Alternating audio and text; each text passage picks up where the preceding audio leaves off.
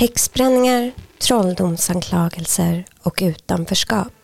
Häxan har genom historien varit utskälld och jagad. Idag ser vi en okult trend. Häxan har blivit en symbol för styrka, kraft och motstånd. Hur hamnade vi här? Det här är det sista avsnittet av Häxtimmens sommarspecial där jag lyfter några av de kvinnor som varit pionjärer inom den okulta världen som påverkat hur vi praktiserar andlighet idag och gjort det möjligt för oss att vara så pass fria som vi är idag. I det här sista avsnittet ska vi prata om Helena Petrovna Blavatsky, också känd som HPB eller Madame Blavatsky.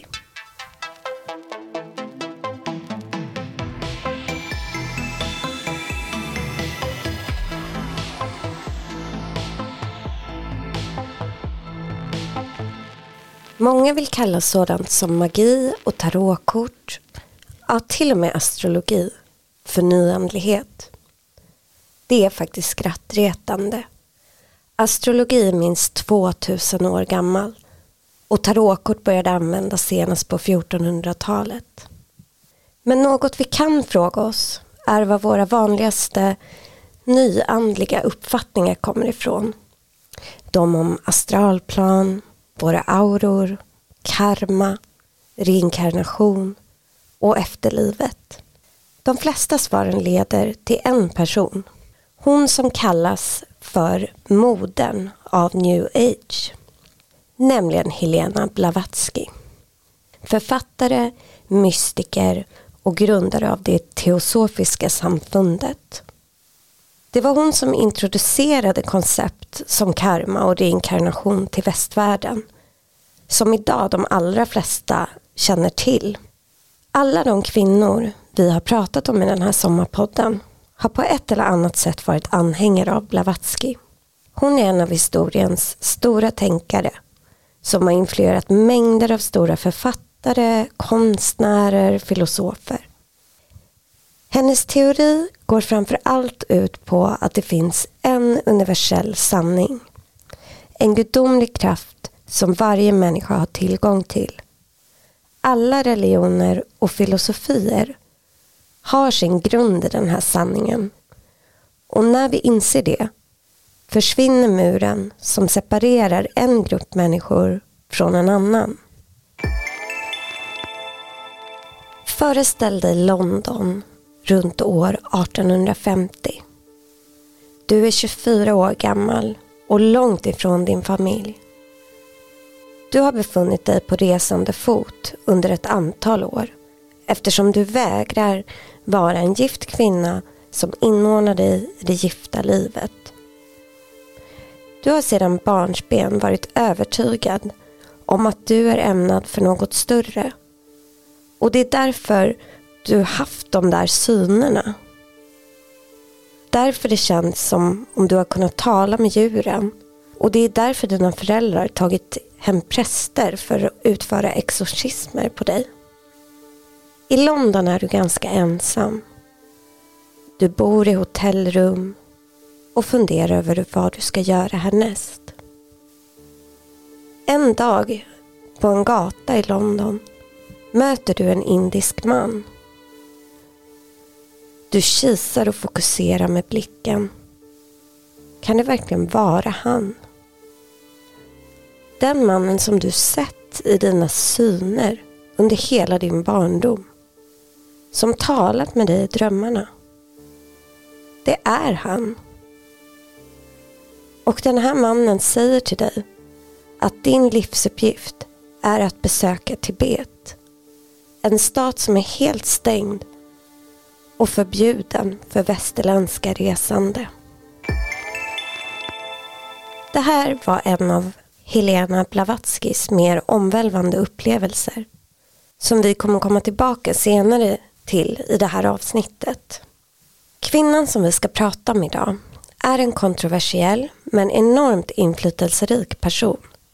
Hennes kändisskap och hennes starka personlighet förde med sig mediedrev och ryktespridningar som lever kvar än idag. Men hennes inflytande går inte att bortse ifrån. Jag kan säga att det var faktiskt ganska svårt att göra research till det här avsnittet.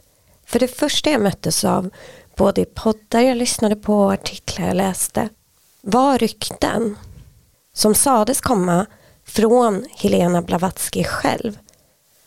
Men när man forskade lite djupare så verkar det inte alls som att de gjorde det.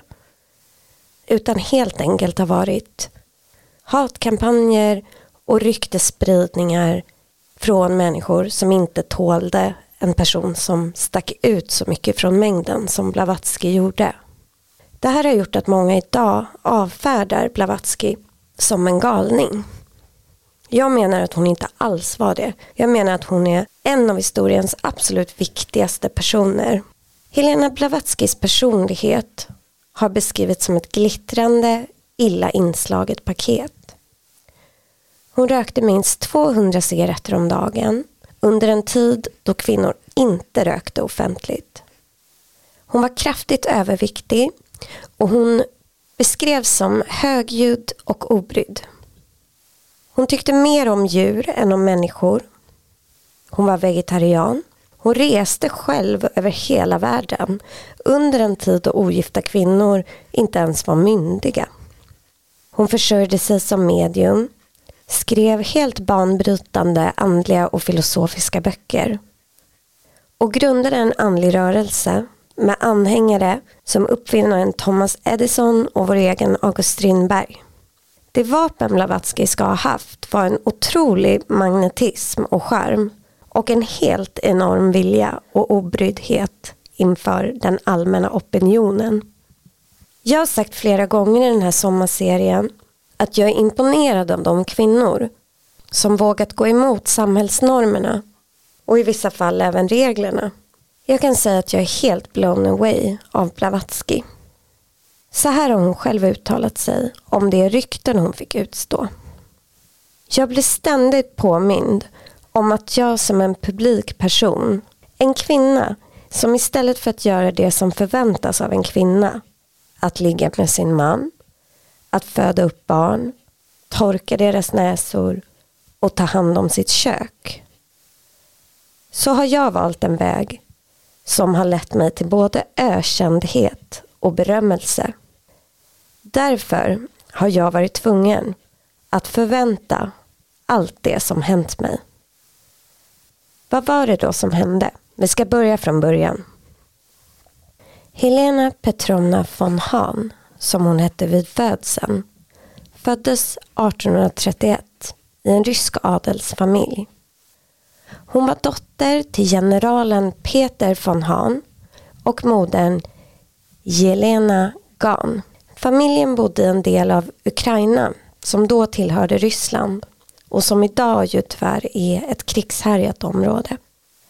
Helena var parets första barn och hon föddes på natten den 12 augusti med dålig hälsa tydligen. En präst togs faktiskt dit för att döpa barnet på en gång så att hon inte skulle dö odöpt. Den här prästen ska har bränts svårt vid sitt besök. Vilket vittnar om att det kanske fanns någon typ av demon på plats. Helena överlevde och hon blev ett ganska annorlunda barn. För att nämna hennes astrologi så kan vi säga att hon är ett sollejon vilket jag tycker stämmer in och en väldigt stark identitet, väldigt stark personlighet och verkar gilla uppmärksamhet. Hon har en måne i tecknet vågen och sin ascendent i kräftan. Ganska kort efter Helenas födsel födde hennes mamma en son som dog kort efter att han fötts. Några år senare kom en flicka som blev Helenas syster Vera. Helenas mammas släkt härstammade från Dolgorukovs, en inflytelserik familj i den ryska adeln. Helenas mormor var till och med prinsessa och den unga Helena hade på många sätt en privilegierad barndom. Vissa skulle säga bortskämd. Framförallt av sin mormor och morfar som var mycket förtjusta i flickan. Hon fick en väldigt bra utbildning och lärde sig flera språk, till och med tibetanska. På grund av pappans jobb inom militären så flyttade familjen runt en hel del när Helena var liten. Men när Helena bara var 11 år så dog hennes mamma i tuberkulos och då flyttade barnen för att bo hos sin mormor och morfar. Redan som barn ska Helena haft en väldigt stark personlighet. En av hennes fastrar har beskrivit henne så här när hon var barn då. Hon är extremt bestämd, oregerlig, med starkt temperament och plötsliga passionerade utbrott. Hon har en djupt rotad avsmak för auktoriteter och all form av kontroll. Hon är djupt rebellisk, men hon är inte på något sätt ond. Hon är otroligt snäll, även mot de som gjort fel mot henne. Barnet Helena ska ha föredragit att leka med betjänternas barn hellre än med sina utsedda lekkamrater av samma klass. Hon ska ha varit en fantastisk historieberättare och folk verkar ha dragits till hennes magnetiska personlighet redan i hennes unga år. Helena var också ett väldigt spirituellt barn. Hon hade under hela sin barndom hallucinatoriska syner och hon skrev ibland brev och meddelande med en annan handstil än sin egen som kom från olika andar och så vidare. Familjen har också berättat att hon kunde flytta föremål utan att röra dem. Det är ju ett parapsykologiskt fenomen som är känt som telekinesis. Och Blavatsky har själv berättat att hon alltid helhjärtat trott på en osynlig värld av andar vars värld blandades med oss dödligas. Familjen verkar ha accepterat det här samtidigt som de blev oroliga ibland och trodde att Helena var besatt. Så de har vid ett par tillfällen tagit in präster som ska ha utfört exorcismer på Helena. Det här var bland annat för att hon gick i sömnen vilket ska ha varit ett tecken på besatthet. När Helena flyttade till sin mormor och morfar vid 11 års ålder så upptäckte hon att hennes morfar hade ett stort esoteriskt och kult bibliotek. Och det här blev en enorm upplevelse för henne. Hon kunde plötsligt börja läsa om och förstå vad det var som hände henne. Vad de här synerna var för någonting. En spirituell upplevelse som Helena själv har berättat om var när hon var 13 år gammal. Hon var då ute och red, vilket hon gjorde ofta. Men hästen blev rädd för något och skenade. Helena föll av men hennes fot fastnade i stigbygeln och hon släpades efter hästen. Helena har då berättat hur hon kände en osynlig kraft hålla om henne och skydda hennes kropp tills dess att hästen stannade. En ängel, en ande, någon från andra sidan hjälpte henne helt enkelt. Helena hade också under hela sin barndom syner av en mystisk indisk man som hon ansåg var hennes mediala guide. Den unga Helena ägnade sig också en hel del åt astralresor. Det är ju när vår ande eller vår astralkropp lämnar vår fysiska kropp och besöker andra delar av världen eller andra dimensioner. Helena reste också mycket på vanligt vis med sina familjemedlemmar. En farbror tog bland annat med henne till Uralbergen, hon reste i Asien och de här resorna ska ha påverkat henne mycket. Hon fick väldigt mycket smak för att se världen och upptäcka andra kulturer. Under tonåren ska någon i familjen ha sagt till Helena att hon aldrig skulle kunna hitta en man som ville gifta sig med henne eftersom att hon hade en så himla bestämd och temperamentsfull personlighet. Det här ville Helena absolut motbevisa och redan vid 18 års ålder så gifte hon sig med den 43 år gamla Nikifor Blavatsky och där har vi hennes efternamn. Vi har fått veta att Helena gillade honom för att han trodde på magi. Men det här äktenskapet blev inte så lyckat. De var gifta i tre månader och Helena ansåg att det här var den värsta tiden i hela hennes liv, de här tre månaderna. Nikifor gick med på att skiljas med Helena men hon behöll då efternamnet. Och från och med nu så kommer jag kalla henne för Blavatsky. När den 18-åriga Helena Blavatsky återfått sin frihet gav hon sig ut för att resa. Det är inte liksom historiskt klarlagt exakt var hon var under den här tiden och vilka länder hon besökte. Enligt sin egen utsago så har hon varit i Turkiet, Egypten, Paris och London. Och hon har på de här platserna besökt olika, olika okulta experter för att lära sig vad de kunde. Blavatsky hade familjepengar men hon ska också ha försörjt sig genom ströjobb och ibland har hon faktiskt klätt ut sig till man under den här tiden har hon berättat. Kanske för att det var lättare att resa runt på det sättet. Man vet i att hon var i både Paris och i London. I London var hon under en längre period och där ska hon ha känt sig ganska ensam. Hon bodde på olika stora hotellrum och gick runt i staden och funderade på vad hon skulle göra härnäst. Och det är här hon möter samma indiska man som hon har sett i sina visioner under hela sin barndom. Den här mannen var hindu och eh, han kallade sig för Mäster Moria. Mäster Moria berättade för Blavatsky att hennes livsuppgift var att besöka Tibet. Tibet var på den här tiden helt förbjudet för västerlänningar att besöka. Men Helena ville försöka. Hon reste genom USA och Kanada och hon landade i Indien där hon bodde i två år. Här ska hon bland annat ha blivit anklagad för att vara rysk spion. Hon försökte komma in i Tibet men blev stoppad och återvände efter det till England igen. 1866 gjorde hon ett nytt försök och då fick hon faktiskt komma in i Tibet, endast 26 år gammal. Det här har diskuterats väldigt mycket. Många tror att hon inte alls var i Tibet utan att hon har läst sig till den kunskapen hon har fått om Tibet. Det finns bevis på båda kan man säga. Hur som helst, vi lyssnar på vad hon själv berättar.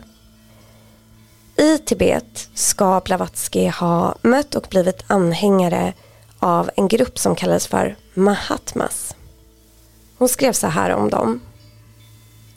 I Tibet finns ett brödraskap vars medlemmar har utarbetat en kraft över naturen som gör det möjligt för dem att utföra underverk bortom vanliga mänskliga förmågor. Blavatsky såg sig från och med det här besöket som deras lärling. Hon menar att de omfamnade alla som studerade okultism oavsett var man kom ifrån eller hade för kultur. Hon började efter det här kalla sig för Messenger of the Mahatmas. Och hon började här studera buddhism. Jag sa att hon kom in i Tibet 1866. Jag menar 1856.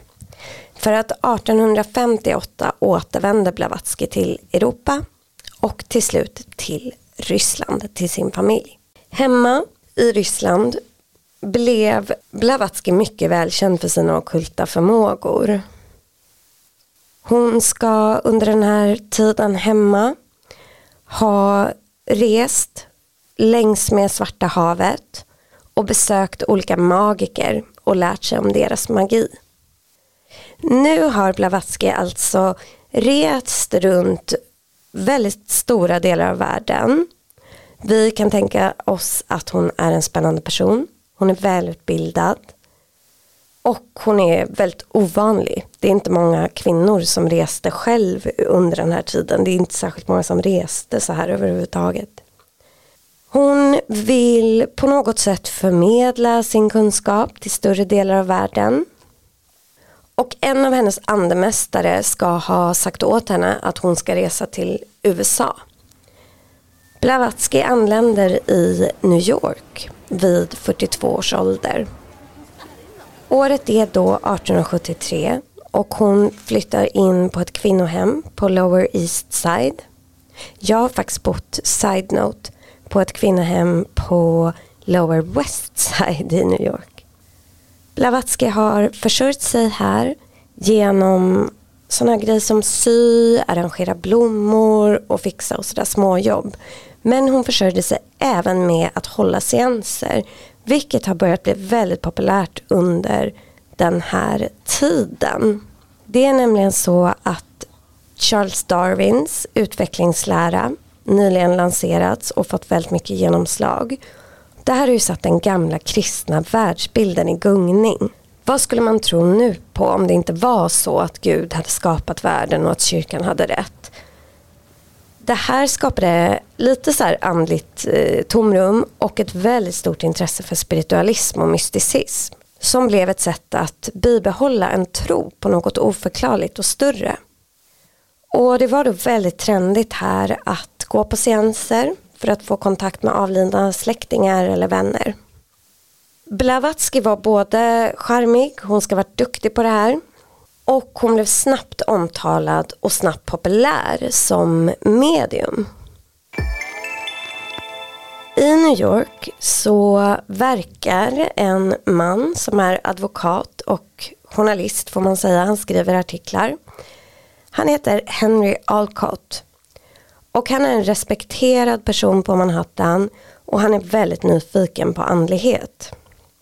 Han får i uppdrag av en av New Yorks större tidningar att bevaka ett slags andligt evenemang.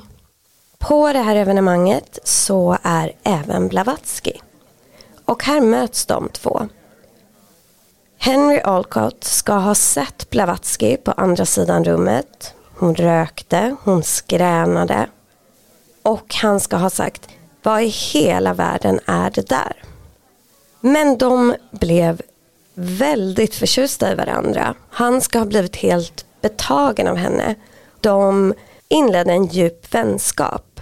Här är viktigt att poängtera att det var inte en romans för att Blavatsky ska faktiskt ha varit asexuell verkar det som. Hon har inga kända varken sexuella eller kärleksrelationer. Deras vänskap blev väldigt intensiv, väldigt djup och de skapade sitt egna samfund, Teosofiska samfundet. Både Blavatsky och eh, Alcott ska ha varit rätt påhittiga när det kommer till PR och media. Och Alcott hade ju dessutom massa kontakter på tidningar och skrev själv. Så de gjorde en del PR-stunts och det teosofiska samfundet växte. Efter några år så lämnade faktiskt Alcott sin fru och sina barn för att bo med Blavatsky, fortfarande bara som vänner. De startade Teosofiska samfundets tidning som de själva gav ut. Och de brevväxlade med okultister över hela världen och höll olika samlingar och samtal. Under den här tiden så skriver Blavatsky sin första bok som heter Isis Unveiled. Den här boken blev en försäljningssuccé. De tusen exemplar man hade tryckt sålde slut på mindre än en vecka. Och den här boken ses än idag som en av milstolparna inom västerländsk andlighet. Bokens titel anspelar på den egyptiska gudinnan Isis som representerar universums mysterium. Målet med boken var dock aldrig att ta bort slöjan från Isis, vilket titeln anspelar på, utan snarare att förklara Blavatskys egen och teosofins syn på den universella sanningen som utgör grunden för alla världens religioner. Man tror alltså inom teosofin att det finns som en grundandlighet och en grundsanning. Alla religioner har vuxit fram ur den. Men de här religionerna har fått spår av människans ego, egen kultur och sådär. Och det är därför vi tror att vi tror på olika saker och därför det har skett många krig i religionens namn, fortfarande gör. Målet med teosofin är att liksom inse att vi alla söker samma svar och källan till vår andlighet kommer från samma ursprung. Och man kan säga att Isis Unveiled på många sätt är en studie av olika religioner och andliga uttryck och så tittar man på relationen mellan dem. Jag tycker att man kan nämna hermetism här som också är med då i eh, den här boken. För att hermetism har också en syn på en slags sann kraft bakom alla religioner. Hermetism är en religiös rörelse som uppstod under de två första århundradena efter Kristus i de hellenistiska kulturen runt östra medelhavet. Eh, ni vet att Golden Dawn till exempel som jag har nämnt många gånger kallas för the hermetic order of the Golden Dawn. Hermetismen innehåller en idé om en slags gudomlig urmänniska eller om ett gudomligt inre jag som finns hos varje människa. I hermetism så tror man att visdom och gudomlig visdom kan nås genom alkemi, astrologi och magi. Inom hermetismen så tror man också på att människan är som ett mikrokosmos och att reinkarnation sker. Och de här sakerna är ganska likt eh, vad teosofin tycker. Och det blir ännu tydligare i kommande böcker som Blavatsky skriver. Jag ska läsa ett litet stycke då på engelska ur Isis Unveiled. Every one of the numberless religions and religious sects views the deity after its own fashion and fathering on the unknown its own speculations. It enforces these purely human outgrowths of overheated imagination on the ignorant masses and calls them revelation. As the dogmas of every religion and sect often differ radically, they cannot be true. And if untrue, what are they? Blavatsky kritiserar alltså kristendom och judendom och allting i den här. Det är ju, kan man tänka ändå är rätt liksom grovt under den här tiden. Hon kritiserar också vetenskapen och darwinismen. Inte för att hon tycker att de har fel men för att de bara tar hänsyn till det fysiska och helt bortser från anden. Och det här tycker jag faktiskt är en väldigt rimlig kritik till vetenskapen. För att det man gör här är ju att fokusera bara på köttet kan man säga och här lägger man ju grunden för den här extremt materialistiska världen som vi har byggt fram under de senaste 100 eller 200 åren. Blavatsky menade alltså inte att vetenskapen hade fel och inte att Darwin hade fel heller. Men däremot menar hon att de inte har alla svar. Hon menade att den separatism som uppstått i religionerna inte längre mötte människans behov. Men att dessa bitar sammanfogas i den universella sanningen som hon pratade om. Medan vetenskapen fokuserar på hur materia uppstår så menade Blavatsky att det fanns något andligt som blev materia och som sen blev ande igen. Isis Unveiled som var Blavatskys första bok blev alltså succé och eh, Teosofiska samfundet blev ännu mer populärt. Bland anhängarna till Teosofiska samfundet fanns eh, industrimagnaten, tror jag man kan säga om honom, och uppfinnaren Thomas Edison som uppfann glödlampan bland annat. Lewis Carroll som skrev Alice i Underlandet. Sir Arthur Conan Doyle som skrev Sherlock Holmes. Författaren James Joyce. Poeten T.S. Eliot. Konstnären Paul Gauguin. Även vår egen August Strindberg och även Elvis Presley ska ha varit teosof men inte, han levde ju inte här utan det blev ju han efter Blavatskys död. Blavatsky blev också den första ryska kvinnan som fick amerikanskt medborgarskap. Men här börjar något som blev jobbigt och det är att Blavatsky börjar jagas jättemycket av pressen. Och de fokuserar på hennes excentriska sidor, att hon inte är en passande kvinna och sådär. Så här har hon själv beskrivit hur hon upplevde det här. De kallade mig hedning. Skrev att jag trodde på de mest otroliga saker. De kallade mig vilde, brottsling, förfalskare. De skrev att jag varit gift sju gånger och mördat sex av mina män. Och nästa stund skrev de att jag aldrig varit gift. Sen kom reportrarna till mitt hem och frågade hur mycket jag var värd. De ville se in i min mun för att se om mina tänder var äkta. Undrar ni verkligen varför jag är otålig att lämna detta land när ni hör hur jag mottogs och hur jag behandlades? Kändisskapet blev för mycket. Eh, Blavatsky ville lämna USA.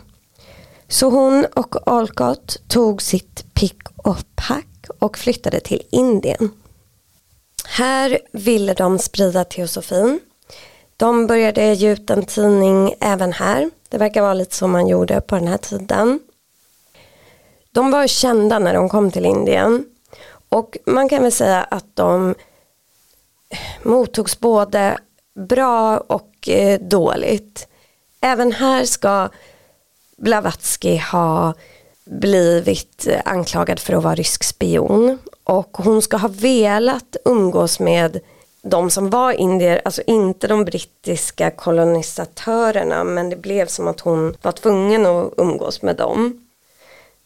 De reste runt i alla fall och höll olika typer av seanser. Och här börjar en skandal som tyvärr ledde till mycket tråkiga saker under de här seanserna så ska det ibland ha dykt upp brev som ska ha kommit från olika andliga mästare. De ska ha ramlat ner från taket och landat i någon av publikens huvud eller dykt upp i en låda eller något sånt där. Och vi kan väl tänka oss att det kanske var lite showeri. Det behöver ju inte betyda att de, budskapet i de här breven inte var äkta men det kanske men det kanske inte var så att eh, ja, man kanske hade, det kanske var lite bluff här liksom att man hade förberett detta. I alla fall så tillsattes under den här tiden en typ myndighet i Storbritannien som kallas för Society of Physical Research. Och det här gjorde man för att det var så populärt med spökhus, seanser, medium och så under den här tiden. Så att man skulle då ha en grupp som undersökte vilka okulta fenomen som var riktiga. Faktiskt blev Sir Arthur Conan Doyle anlitad för att vara sån här utredare under en period. Men efter några år i, som utredare här så ska han ha avsagt sig från gruppen och kritiserat dem öppet för att de endast gick ut på att sätta dit andliga personer. Han var ju själv väldigt spirituell och han menade att de inte alls var intresserade av andlighet utan de ville bara sätta dit olika medium och sådär.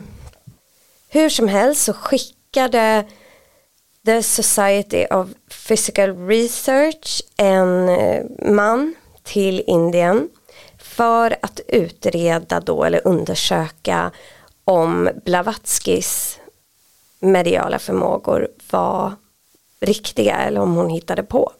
Hans utredning gick snabbt och han skrev eh, en, ett papper om det här där han sa att allt Blavatsky gjorde var bedrägeri i princip. I rapporten så skrev han att hon måste vara en av vår tids mest fascinerande och geniala bedragare. Det här blev faktiskt förödande. Varenda tidning, Eh, liksom Storbritannien, USA och Frankrike och så, skrev att Blavatsky var en bluff. Och man kan säga att hon fick som ett stort mediedrev mot sig. Och jag tycker att det här är väldigt synd. För oavsett om de här breven var fejkade eller så, så var ju Blavatsky en fantastisk tänkare, författare och mystiker. Och jag tänker att de här breven och det här, det kan ha varit så att hon kände sig pressad att imponera på publiken och kanske tog till lite knep. Men jag tycker inte att det gör att resten av hennes arbete försvinner. Men bland annat det här har liksom levt kvar och har gjort att många idag säger att ah, hon var sån himla bluffmakerska och sådär. Samtidigt är det ju ingen liksom kunnig eh, läsare läsare, alltså kultläsare eller kritiker eller så, som kan säga att hennes böcker inte är intressanta. Dessutom kommer faktiskt The Physical Research-gruppen att dementera sin sitt sånt här brev. De kommer säga att det var fel av dem att göra så här. Men det återkommer vi till för att det kommer efter Blavatskys död tyvärr. Det här drevet och den här skandalen gjorde att Blavatsky och hennes gode vän och vapendragare Henry Alcott blev osams. Deras vänskap överlevde inte den här skandalen men det gjorde Teosofin och vår kära Blavatsky. Hon lämnade Indien 1885 är vi nu i årtal och hon flyttade till London. Hon och Alcott sa hej då i Indien och de träffades faktiskt aldrig mer igen. Det är lite sorgligt ändå. Så här sa Blavatsky om det här när hon lämnade Indien. Mitt hjärta är krossat, både fysiskt och moraliskt. Det första spelar ingen roll. Jag stannar i den här kroppen så länge som jag ska. Men i det andra fallet så finns ingen tröst. Hon var tillbaka i London och trots den här skandalen så var Blavatsky fortfarande populär och hon var fortfarande respekterad bland många. Särskilt bland intellektuella och kulturella personer. De flockades faktiskt runt henne i London. Hon bodde i ett hus, först ett mindre, sen flyttade hon till Notting Hill där hon hade ett hus och tog emot besökare från hela Europa. Hon ska ha hållit många vegetariska middagar med mycket olika, hon var ju vegetarian. Hon eh, ska ha haft mycket liksom, intellektuella personer där från hela Europa. Vår kära poet Yates som återkommit i varje podd umgicks med Blavatsky under den här tiden och han har sagt att hon var en av de mest inflytelserika personerna i hans liv. Han ska faktiskt under sin tid i Teosofiska samfundet för att hon höll ju fortfarande på med sitt samfund här och han var medlem i det. Och då ska Yates ha jobbat med att kremera en blomma för att se om dess själ separeras från kroppen. Vet inte om han fick se det någon gång. Teosofiska samfundet var faktiskt för eh, kremering vilket var ganska nytt här. Jag, jag vet faktiskt inte varför men det var de. Blavatsky var ju inte rädd för att få folk emot sig. Och i London började hon ge ut ännu en gång en tidning, en teosofisk tidning, som hon här namngav Lucifer. Det är ju ett annat namn för Satan eller djävulen. Och såklart ville den kristna kyrkan i Storbritannien förbjuda den här tidningen. Det är ju rätt kul för det är ju som att hon gör det lite för att reta dem och de direkt såklart tar det här betet. Så här svarar hon den eh, kristna kyrkan på att de vill förbjuda tidningen. Varför ska ni förskjuta mig för att jag kallar min tidning Lucifer? Ett sådant utmärkt namn. Lux Lucis ljus. Därför att bära, ljusbärare, vad kan vara bättre? Det är bara på grund av poeten Miltons Paradise Lost som Lucifer har blivit synonymt med fallna själar. Det första ärliga objektivet med min tidning kommer vara att ta bort missförståndet kring detta namn som användes av tidiga kristna för Jesus. Sa inte Jesus att jag, Jesus, är den ljusa morgonstjärnan? Låt vår tidning också, lik den ljusa bleka gryningsstjärnan, komma som dagsljuset med sanningen. Under de här åren så gav eh, Blavatsky också ut sin mest kända och hyllade bok som hon arbetat med i åratal. Den heter Den hemliga läran och den har undertiteln Ingen religion är högre än sanningen. Den första upplagan som var på 500 ex tog omedelbart slut. Den här boken är på 1500 sidor. Ja, de, dess två första volymer är på 1500 sidor. Och man kan säga att den går igenom den teosofiska filosofin i en mer systematisk form. Den hemliga läran handlar om teosofins syn på universum och universums ursprung och mänsklighetens utveckling och den handlar då mycket om karma och reinkarnation vilket var faktiskt nya begrepp som Blavatsky introducerade här. Alltså de var inte nya, de, hon har ju plockat upp dem när hon har lärt sig i Tibet eller hon har lärt sig hinduism och buddhism. Hon var ju väldigt kunnig på olika religioner. Och man kan säga att den här boken är en kombination av filosofi, religion och lite vetenskap ändå. Här är ett litet citat från den här boken. Time is only an illusion produced by the succession of our states of consciousness as we travel through eternal duration, as it does not exist where no consciousness exists, in which the illusion can be produced, but lies asleep. Den här boken blev väldigt populär. Den blev både hyllad och hånad. Men jag vet inte om hon brydde sig så himla mycket om det. Hon gav ganska kort efter, 1889, ut två till böcker. The Key to Theosophy och The Voice of Silence. Storbritannien drabbades av en influensaepidemi under 1890-talet och Blavatsky hade inte en jättebra hälsa de sista åren. Hon rökte ju som jag nämnde extremt mycket och tog väl inte jättemycket hand om sig sådär. Så de sista åren satt hon faktiskt i rullstol men hon var ju fortfarande skarp i sinnet. Hon dog 1891 av influensa eller liksom i sviten av influensa med sina vänner runt sig.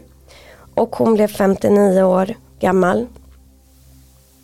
Hon blev kremerad vilket hon hade önskat, vilket då var väldigt ovanligt. Teosofin fortsatte, hon hade utsett en efterträdare. Och eh, som sagt, det teosofiska sällskapet finns än idag, finns en svensk grupp man kan vara med i. Många tvivlade ju på att Blavatsky hade besökt Tibet.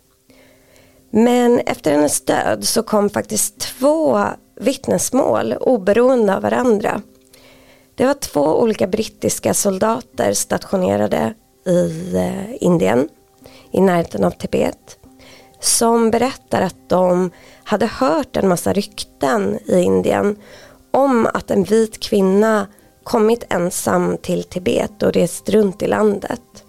Och det ska ha varit just under de åren då ingen riktigt visste var Blavatsky befann sig och då hon själv säger att hon var i Tibet. Man kan också se att personer idag som har studerat hinduiska texter de verifierar verkligen äktheten i det som Blavatsky skrev om hinduism och även buddhism. Och 1986, alltså inte jättelänge sedan, så tog The Society of Physical Research tillbaka sin fördömelse av Blavatsky. De sa att eh, de och personen som reste dit för att undersöka henne hade hela tiden haft som mål att diskreditera Blavatsky och att de heller inte hade några bevis för att hon skulle ha ljugit eller bluffat som de här breven på något sätt.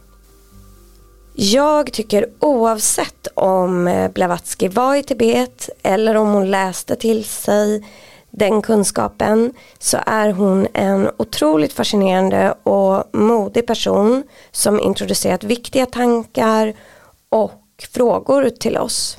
Jag är väldigt imponerad över att hon var så modig och Eh, var helt sig själv, gick emot alla normer och verkar haft ett väldigt spännande liv. Hennes texter och böcker har också influerat hela västvärlden kan man säga. De flesta efterföljande okultister var på något sätt anhängare av henne eller har influerats av hennes syn på astralplanen som är något som ingår i teosofi och massa andra tankar. Vår, vi kan säga att vår, det man kallar nyandlighet idag kommer till stor del från Blavatskys idéer. Jag ska avsluta det här avsnittet med två citat av Blavatsky. Det första kommer jag läsa på engelska och det andra på svenska. Det handlar om hennes syn på magi, det här första. The exercise of magical power is the exercise of natural powers but superior to the ordinary functions of nature. A miracle is not the violation of the laws of nature except for ignorant people. Magic is but a science, a profound knowledge of the occult forces in nature and of the laws governing the visible or the invisible world. Spiritualism in the hands of an adept becomes magic, for he is learned in the art of blending together the laws of the universe without breaking any of them. Och det här blir de sista orden från Blavatsky. Räds inte dina svårigheter. Önska dig inte andra omständigheter än de du har. För när du gjort det bästa av en motgång blir den en språngbräda till en strålande möjlighet.